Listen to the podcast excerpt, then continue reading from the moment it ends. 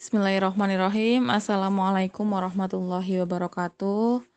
Alhamdulillahirrahmanirrahim. Wabihi nasta'inuhu ala umur dunia waddin. Terima kasih sebelumnya saya ucapkan kepada teman-teman PDIPM Lamongan yang sudah memberikan kesempatan kepada saya dan Selamat malam teman-teman semua. Semoga kita semua pada malam hari ini dilindungi atau diberikan kesehatan oleh Allah dan senantiasa diberikan keberkahan oleh Allah supaya kita senantiasa istiqomah dan kuat menjalankan ibadah kita di bulan Ramadan ini walaupun dalam kondisi yang tidak seperti biasanya gitu ya tapi mudah-mudahan kita tidak menjadi manusia yang kemudian merasa merugi walaupun sedang di kondisi pandemi seperti saat ini kita menjadi manusia-manusia yang senantiasa bersyukur lewat karya-karya kita lewat salah satunya pada malam hari ini kita berdiskusi belajar bersama terkait sebuah hal yang uh, menjadi penting untuk tetap diperjuangkan. Salah satunya adalah dalam uh, konteks perkaderan, maksudnya adalah dalam peningkatan kapasitas dan kapabilitas uh, pejuang-pejuang kita, kader-kader kita di Ikatan Pelajar Muhammadiyah. Uh, sekali lagi saya ucapkan terima kasih kepada PDIPM Lamongan dan juga teman-teman di forum ini Mudah-mudahan kita bisa melaksanakan diskusi pada malam hari ini dengan lancar sampai nanti selesai. Uh, seperti yang diperkenalkan oleh nara moderator, nama saya Monica Subastia. teman teman-teman bisa memanggil saya secara akrab dengan sebutan Monica atau Mbak Mon gitu. Uh, begitu mungkin lanjut saja kita akan langsung mulai diskusi kita pada malam hari ini. Baik, pada malam hari ini saya mendapatkan tema COVID-19, Ramadan, dan kabar perkaderan. E, dari tema itu saya diberikan tugas untuk menyampaikan beberapa poin. Yang pertama terkait dengan kabar perkaderan gitu. Kemudian selama COVID, kemudian yang kedua alternatif kegiatan perkaderan selama COVID.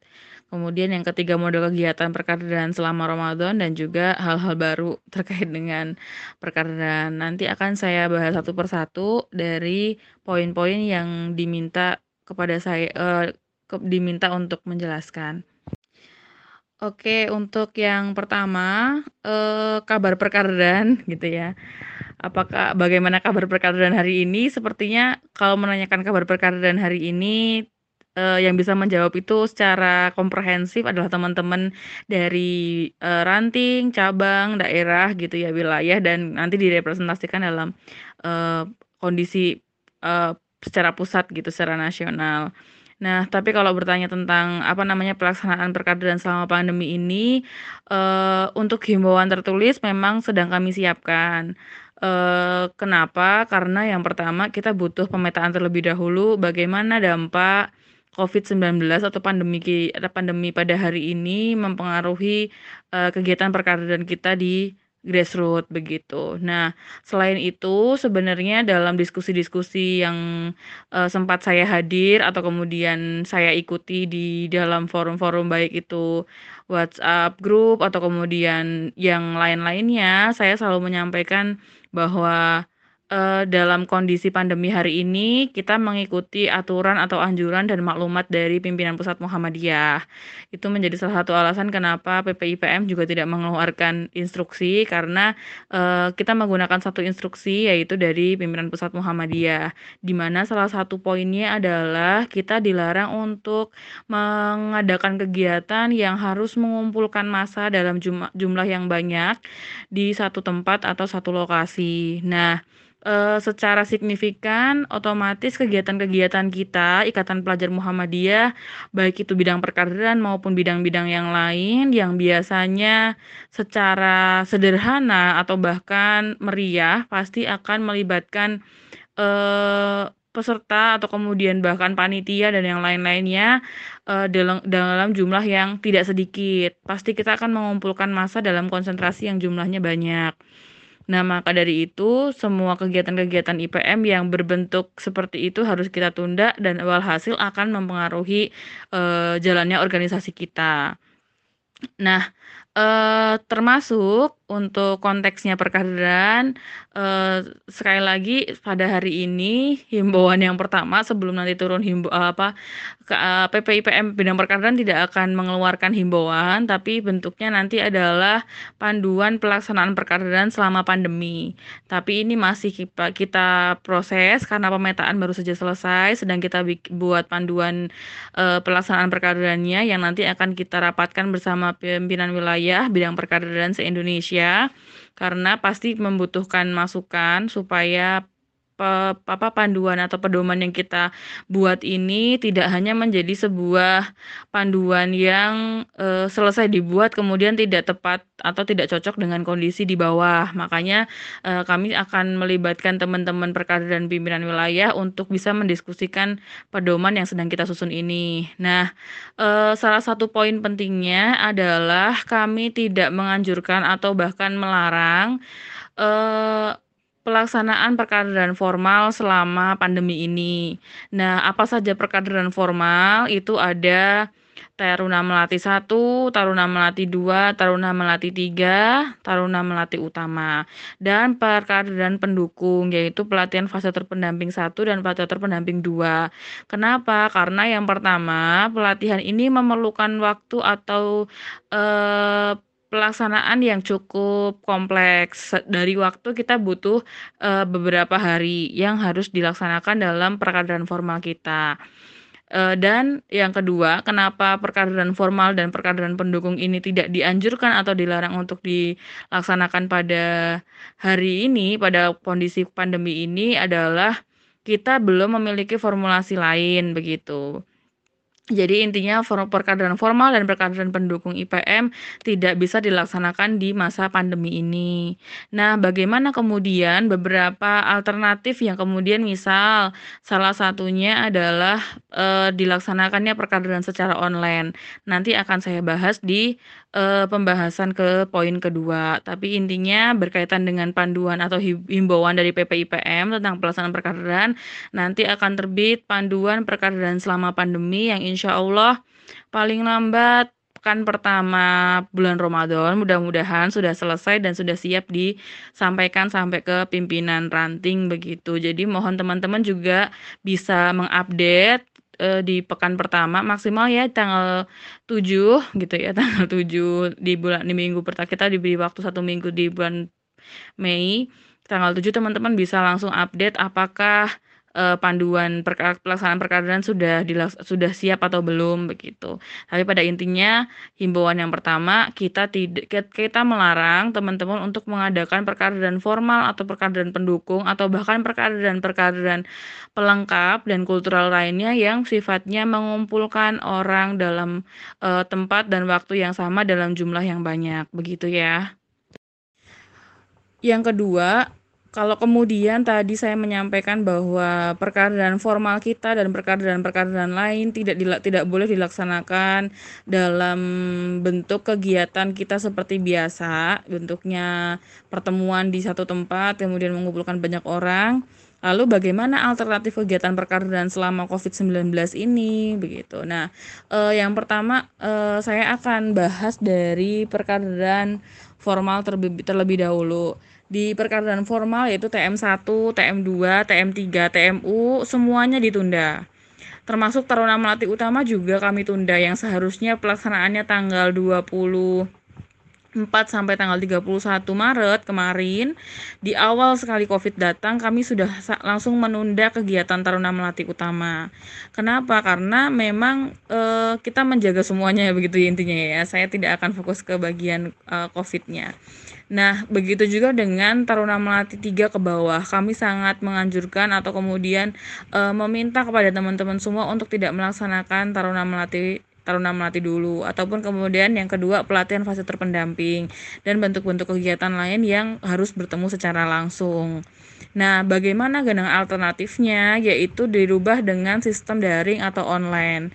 Tetapi masalahnya di sini ketika kita ingin membuat uh, kegiatan perkaderan formal seperti TM dan PFP dalam bentuk daring, kami juga tidak menganjurkan itu dilaksanakan. Karena yang pertama, kita belum siap untuk melaksanakan perkaderan formal secara daring. Dalam konteks ini yang saya sebut perkaderan formal adalah TM dan PFP. Uh, kenapa yang pertama kita belum punya uh, instrumennya, bagaimana konsep perkaderan formal, bagaimana konsep TM secara daring kita belum siap untuk itu. Tidak ada instrumennya, materinya akan bentuknya seperti apa, konsep pendampingannya seperti apa, monitoringnya seperti apa, dan uh, jadwalnya akan seperti apa?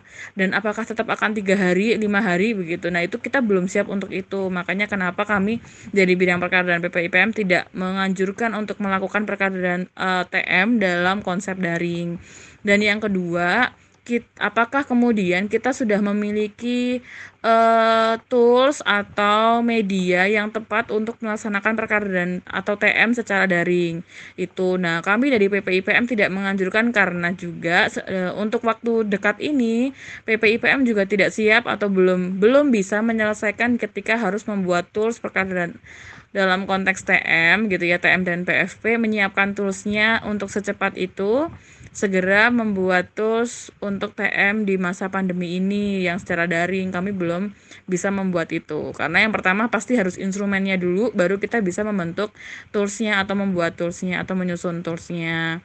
Dan yang ketiga yang harus dipertimbangkan adalah ketika kita pakai daring apakah teknologi atau penguasaan teknologi peserta dan juga fasilitator sudah siap untuk melakukan perkara eh, TM secara daring. Itu juga perlu diperhatikan baik itu secara gadgetnya tersedia atau tidak. Kemudian uh, gadget aja nanti bentuknya seperti apa gitu tulisnya tuh belum ada. Kemudian apakah semua peserta punya gadget? Apakah semua peserta punya pulsa untuk beli paket uh, uang untuk beli paket data? Apakah semua peserta ada sinyal di rumah? Nah begitu. Itu banyak sekali hal-hal yang yang perlu kita pertimbangkan. Setidaknya ada tiga hal itu. Yang pertama instrumen atau model perkaderan secara daring ini akan seperti apa bentuknya jika ben untuk TM gitu ya khususnya. Yang kedua toolsnya. Yang ketiga eh, penguasaan teknologi. Itu yang menjadi pertimbangan uh, kami untuk tidak meng, untuk tidak menganjurkan pelaksanaan TM secara daring. Nah, alternatifnya seperti apa begitu? Nah, kami yang sedang disusun dalam panduan perkaderan selama pandemi ini gitu ya, yang kita siapkan adalah uh, perkaderan kultural yang biasa dilaksanakan. Salah satu contohnya adalah tadarus perkaderan IPM dari PDIPM Lamongan ini. Ini menjadi salah satu alternatif pelaksanaan perkaderan selama COVID. Nah, salah uh, kalau kita merujuk pada alur perkaderan yang kita punya gitu ya kita punya beberapa perkaderan kultural seperti diskusi diskusi-diskusi sekolah kader uh, kegiatan komunitas yang bersifat daring gitu ya. Itu yang bisa kita alihkan pada bentuk-bentuk daring gitu tanpa harus mengumpulkan. Karena tidak ada sistematika secara rigid bentuk dari eh, kegiatan-kegiatan diskusi atau kemudian perkaderan kultural kita itu akan seperti apa. Beda dengan taruna melati. Nah ini yang sedang disiapkan oleh PPIPM untuk perkaderan daringnya adalah perkaderan kultural bentuknya sekolah kader. Hampir mirip dengan mungkin tadus perkaderan IPM dari Pekalongan ini eh Pekalongan mohon maaf Lamongan. Cuma ada, ada materi secara runtut disusun silabusnya kemudian nanti apa tujuannya apa bentuknya bagaimana siapa pesertanya begitu. Dan juga nanti materinya isinya apa saja itu yang sedang disiapkan oleh PPIPM untuk sekolah kader. Nanti teman-teman bisa baca juga setelah panduannya selesai. Dan juga uh, kami di panduan alternatif kegiatan berkaderan selama COVID di sekolah kader ini nanti kita juga berupaya untuk menyiapkan model toolsnya uh, karena ini sifatnya sementara begitu ya. Nah yang kedua sebenarnya yang masih bisa dilaksanakan alternatif kegiatan perkaderan adalah eh, persiapan-persiapan konsep Taruna Melati. Jadi kalau sekolah kader ini kan prosesnya kalau teman-teman pernah membaca alur perkaderan itu sebagai salah satu forum penyiapan e, kader sebelum mengikuti perkaderan formal. Bangun akan share e, alur perkaderan di bawah ini Nah, jika teman-teman memahami alur perkaderan yang Mbak Mon share, teman-teman bisa buka. Di situ ada berbagai macam uh, proses perkaderan yang dimiliki oleh PP apa IPM uh, untuk khusus teman-teman untuk TM kemudian PFP teman-teman bisa menunda itu semua. Yang bisa dilakukan sekarang selama COVID ini adalah menyiapkan konsepnya. Jadi membentuk tim fasil hari ini untuk Taruna Melati dan PFP tidak masalah. Tetapi uh, untuk pelaksanaannya tidak kita anjurkan. Nah yang bisa kita lakukan men sambil menunggu pandemi selesai apa? Teman-teman fasilitator dan bidang perkaderan bisa sambil menyicil menyusun konsep uh, Taruna Melatinya atau PFP-nya secara matang. Malahan dalam proses yang panjang ini kita diberikan waktu atau kemudian spare time untuk bisa membuat konsep sebaik mungkin.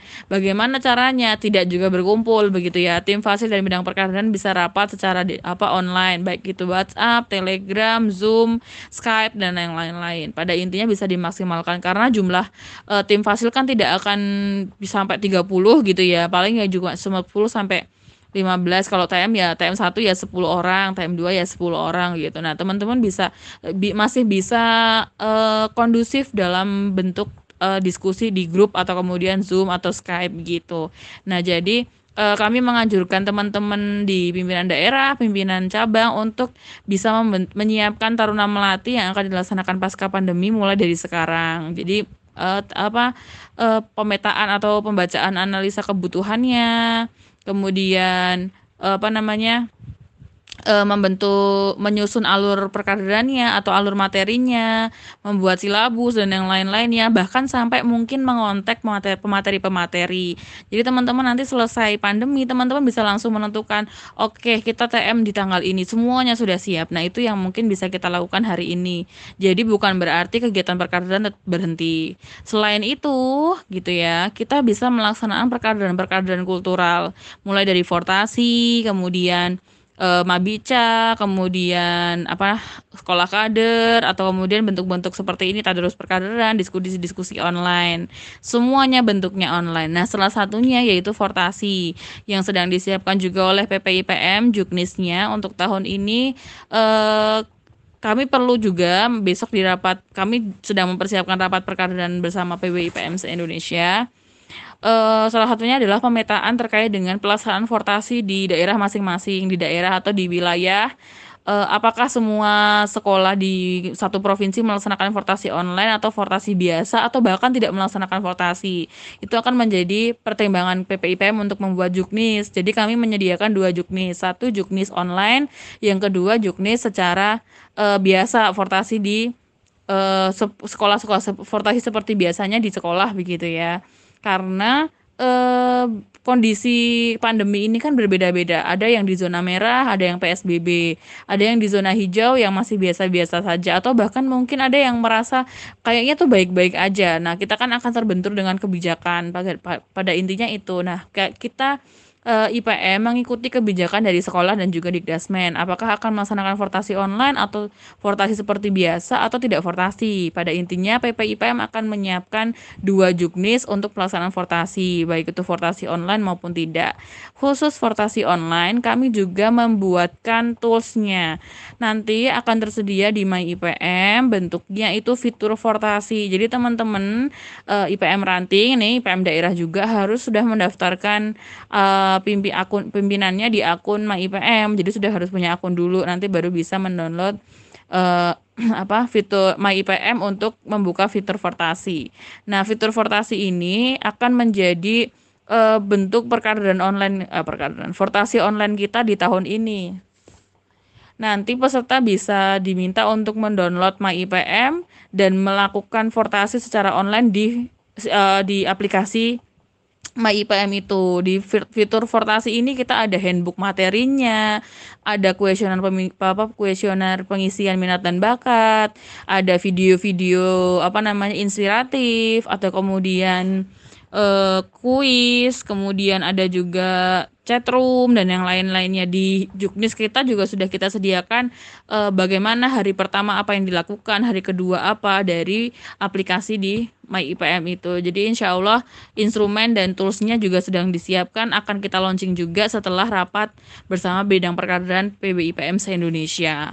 Jadi itu. Jadi Fortasi siap, kemudian perkaderan tadi fasil fasil TM sudah menyiapkan diri, kemudian Fortasi kita online, Kemudian yang ketiga eh sekolah kader atau kemudian tadi ada kemud uh, bentuknya komunitas atau diskusi-diskusi itu juga kita arahkan untuk online. Itu nanti juga akan kami masukkan di uh, panduan perkaderan selama COVID atau pandemi ini. Nah, alternatif-alternatif kegiatan itu yang bisa kita lakukan di uh, selama pandemi. Sementara itu untuk tim perkaderan dan tim fasil menyiapkan konsep perkaderannya, kemudian portasi kita bisa online. Yang ketiga, kegiatan-kegiatan diskusi atau perkaderan kultural itu juga dilaksanakan secara online.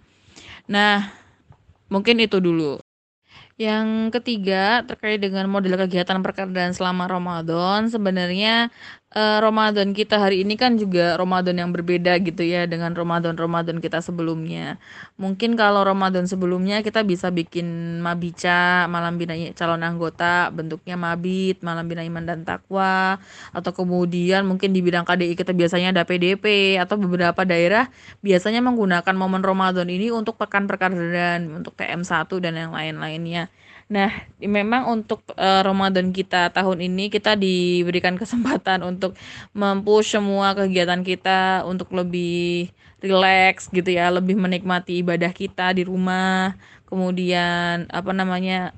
Eh, kegiatan-kegiatan kita di rumah lebih dekat dengan keluarga dan yang lain-lain. Jadi model kegiatan perkaderan selama Ramadan tahun ini juga harus kita sesuaikan dengan kondisi pandemi hari ini gitu. Menurut Mbak Mon, sebenarnya hari ini kita dikasih kesempatan untuk bisa lebih dekat dengan uh, media atau kemudian dengan media sosial begitu. Nah, uh, kita bisa mengkreat itu untuk menjadi sebuah peluang gitu. Pandemi ini kan bisa menjadi salah satu pemantik kita untuk apa ya merubah segala model gerakan kita untuk lebih dekat dengan teknologi. Nah, salah satunya di kesempatan ini di perkaderan ini tidak menuntut apa namanya ya menutup kesempatan kita juga untuk bisa jadi konten kreator semuanya gitu. Hari ini misal nih kayak ketum ketua umum Hafiz, Mas Hafiz nih, hari ini dia bisa bikin podcast yang biasanya mana bisa sih Mas Hafiz bikin uh, podcast yang seniat itu. Kan maksudnya karena kesibukan dia yang harus berpindah-pindah tempat dalam waktu yang cepat gitu. Kayak apa ya? Maksudnya karena banyak sekali undangan-undangan wilayah gitu yang harus dia hadiri. Jadi dia nggak sempat untuk bisa stay santai dan membuat karya-karya yang uh, apa namanya memerlukan waktu menyusun konsep, membuatnya kayak gitu. Tapi hari ini e, contohnya ketua umum kita aja bisa bikin gitu. Masa kita sih yang anggota yang maksudnya nggak yang nggak sibuk-sibuk banget, misalkan yang Mbak Mon yang nggak sibuk-sibuk banget nggak bisa bikin karya. Nah ini bisa kita karyakan masing-masing diri kita. Kita tuh sukanya apa? Nah, model perkaderan selama Ramadan kita bisa uh, khususnya nih, misal masukannya untuk bidang perkaderan, apalagi nih PDIP Lamongan baru kemarin kan bikin TM. Nah, salah satu penugasannya, salah satu follow up-nya mungkin bisa mengkaryakan teman-teman uh, ekstra ini TM 2 sesuai dengan passion dan uh, minatnya masing-masing. Nggak harus semuanya bentuknya tuh uh, apa namanya ini semua enggak tapi dipetakan siapa yang suka nulis siapa yang suka bikin video siapa yang suka bikin konten kreatif podcast yang lain-lainnya. Itu dikaryakan aja sesuai dengan minatnya masing-masing. Nah untuk kontennya kadang-kadang si uh, kader itu bingung dia mau bikin apa. Nah mungkin yang bisa dibagi sama teman-teman bidang perkaderan adalah temanya tapi bentuknya mau kayak apa itu terserah. Itu salah satu model perkaderan kita. Dari rumah mereka dibikin disuruh bikin karya. Kemudian Uh, tapi sesuai dengan track atau kemudian sesuai dengan alur perkaderan kita atau isu perkaderan kita hari ini gitu. Itu salah satu caranya. Model-model penugasan atau challenge-challenge yang bentuknya berkarya di rumah yang lagi sama PPIPM digunakan sebagai hashtag kita di pandemi ini salah satunya di bulan Ramadan. Apalagi di momen Ramadan ini kan sebenarnya momen untuk uh, ibadah, momen untuk pengembalian uh, memur, apa mensucikan hati kita yang kotor gitu ya misal. Nah, teman-teman juga bisa nih bikin model perkaderan yang uh, mengkarya apa namanya mengkaryakan teman-teman untuk bikin konten-konten uh, ka, apa dakwah Islam kayak gitu. Bagaimana sih uh, apa namanya buka puasa yang benar, baca doanya. Bagaimana sih uh, traweh? Misalkan hari ini harus traweh di rumah nih. Siapa tahu ada beberapa uh, apa namanya kader kita anggota kita tuh nggak tahu traweh tuh yang benar dua dua dua dua atau empat empat tiga atau gimana. Nah, itu bisa jadi konten. Jadi uh, hari ini kita bisa mendorong kader-kader kita yang biasanya hanya menunggu tugas atau kemudian menunggu di apa olah atau dikarya diberdayakan oleh kita kita bisa mendorong mereka untuk berkarya. Menurut Bamon sih hari ini kita bisa memberi kesempatan itu bukan hanya memberi makanan tapi juga memberikan uh, maksudnya kalau bahasanya orang lapar tuh nggak cuma dikasih makan tapi dia dikasih bahan untuk dia bikin makanan sendiri yang lebih tahan lama gitu. Salah satunya lewat karya. Perkaderan itu kan bukan hanya soal pelatihan ya. Perkaderan itu kan peningkat apa eh meningkatkan kapasitas dan kapabilitas kader. Kader itu penggerak dan pendorong dakwah organisasi supaya misinya berjalan. Berarti misi IPM itu kan ya gerakan keilmuan, gerakan ke dakwah Islam, gerakan kekaderan, terus kemudian gerakan apa namanya modern gitu. Nah, ini semua harus kemudian dan lakukan juga. Berarti ya dakwah Islamnya jalan, keilmuannya jalan, kemudian kekaderannya jalan, tetapi juga hal-hal apa namanya eh, bentuk-bentuk kreatif-kreatif yang lain tuh juga jalan gitu. Nah, ini masanya perkaderan untuk bisa melebarkan fokusnya bukan hanya bikin TM gitu. Nah, perkaderan kultural bisa banget nih kita lakukan di selama Ramadan ini. Nah, siapa tahu salah satunya tadarus perkaderan ini. Ini kan bentuknya keilmuan atau ngasih input, tapi mungkin bentuk yang lain juga adalah bagaimana mereka kita bisa mendorong uh, anggota atau kader-kader kita untuk bikin karya gitu. Nanti di publish di muat di IG apa IG-nya PDIPM atau kemudian kalau yang suka nulis nanti kita bisa punya buku gitu. Itu kan keren-keren banget. Itu tuh sebenarnya kayak eh, karakternya IPM tuh kayak gitu loh. Kalau apa-apa tuh ada karyanya ada ada hasilnya ada produknya gitu.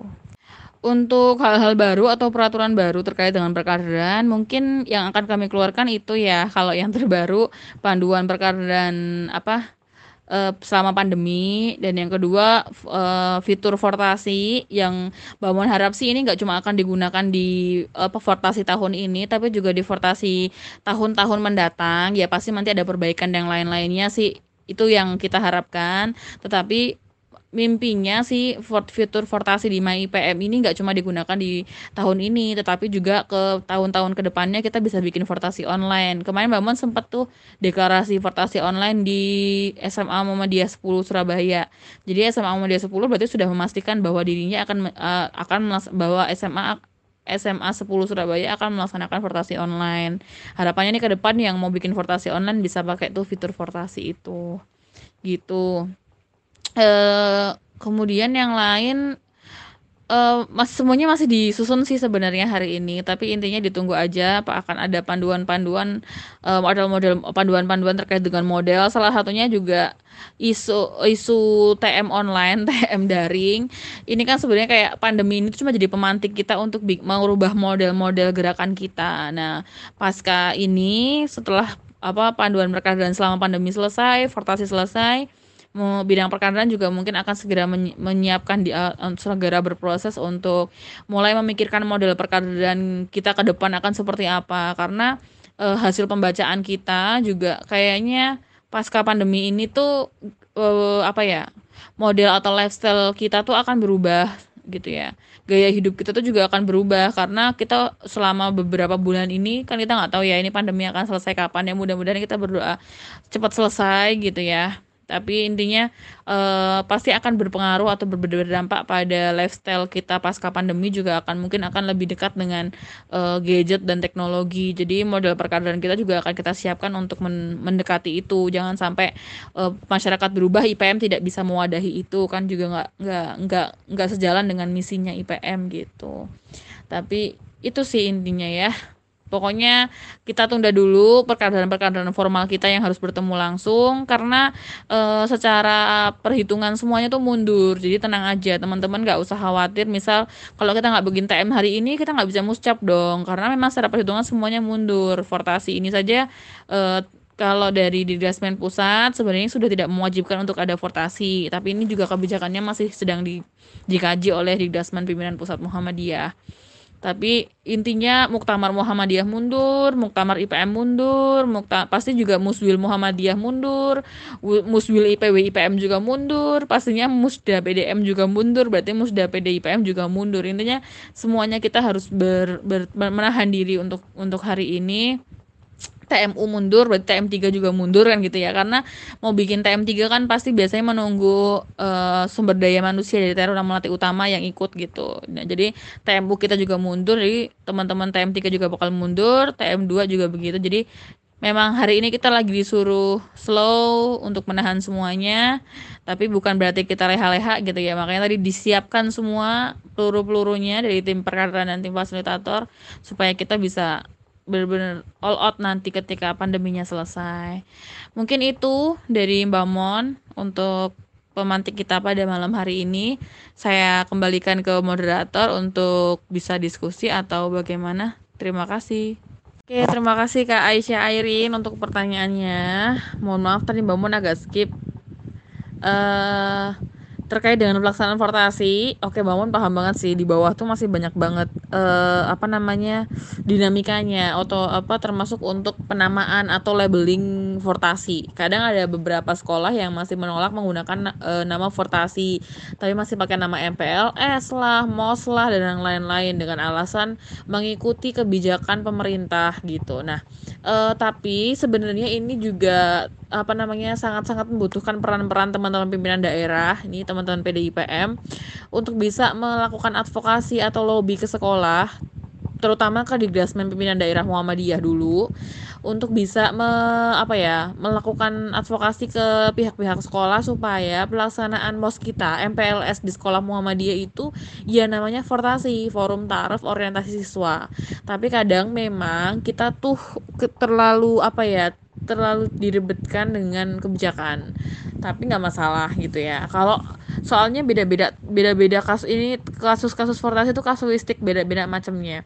Ada sekolah yang udah benar-benar tuh uh, ya udah nggak ada mos nggak ada MPLS nah, tapi namanya pakai fortasi karena memang secara uh, substansi esensinya konsep fortasi dengan MPLS-nya punya kementerian atau punya dinas itu sama gitu. Tapi memang di fortasi ini ada beberapa hal tambahan yang memang karakteristik sekolah Muhammadiyah gitu.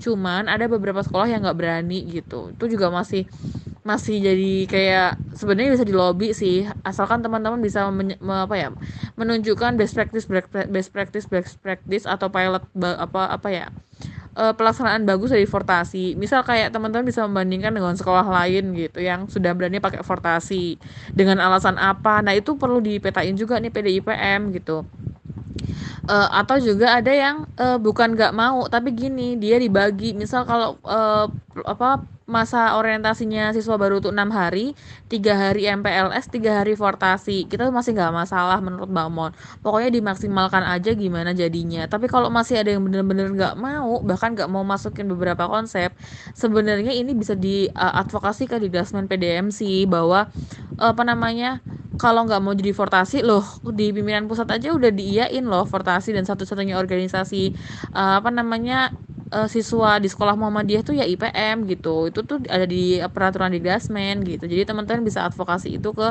uh, untuk TKP di IPM ke di Dasmen PDM dulu gitu. Nah teman-teman ranting bisa menyampaikan nih gitu sekolah mana aja sih yang sekolahnya masih menolak untuk melaksanakan portasi dengan konsep yang dibawa oleh IPM atau uh, ada sekolah yang masih uh, maunya setengah-setengah gitu. Kalau setengah-setengah kayaknya bangun masih nggak masalah deh. Yang penting konsep kita bisa dilaksanakan gitu ya teman-teman. Uh, pada intinya ini butuh butuh advokasi di tingkat daerah gitu untuk bisa mempengaruhi sekolah dan dikdasmen. Nah yang selanjutnya sebenarnya juga tergantung sama kesiapan pimpinan ranting untuk menjadi fasilitator transportasi nanti sebenarnya salah satu tugas teman-teman PDIPM di uh, di perkaderan online ini adalah melaksan apa apa ya mengadakan pelatihan fasilitator transportasi online bagaimana supaya teman-teman PRIPM sebagai panitia dan fasilitator transportasi itu bisa melaksanakan transportasi sesuai dengan juknis yang sudah dibuat oleh IPM begitu gitu ya intinya uh, kalau masalah dengan ini, dengan Fortasi ini harus advokasi gitu dan harus ada pemetaan. Di PDIPM yang harus cerdas-cerdas nih tugasnya Kelvin nih. Gitu ya. Oke, untuk menutup diskusi kita pada malam hari ini, mau kasih closing statement. Uh, sederhana aja sih. Intinya siapa pun dan bagaimanapun kita bisa melakukan yang terbaik dengan cara yang terbaik. Perkaderan tidak terbatas tempat dan waktu. Sebagai generasi terbaik, kita bisa melakukan itu. Selamat mengkaryakan diri kita masing-masing lewat perkaderan untuk menggerakkan organisasi. Terima kasih untuk teman-teman semua. Assalamualaikum warahmatullahi wabarakatuh.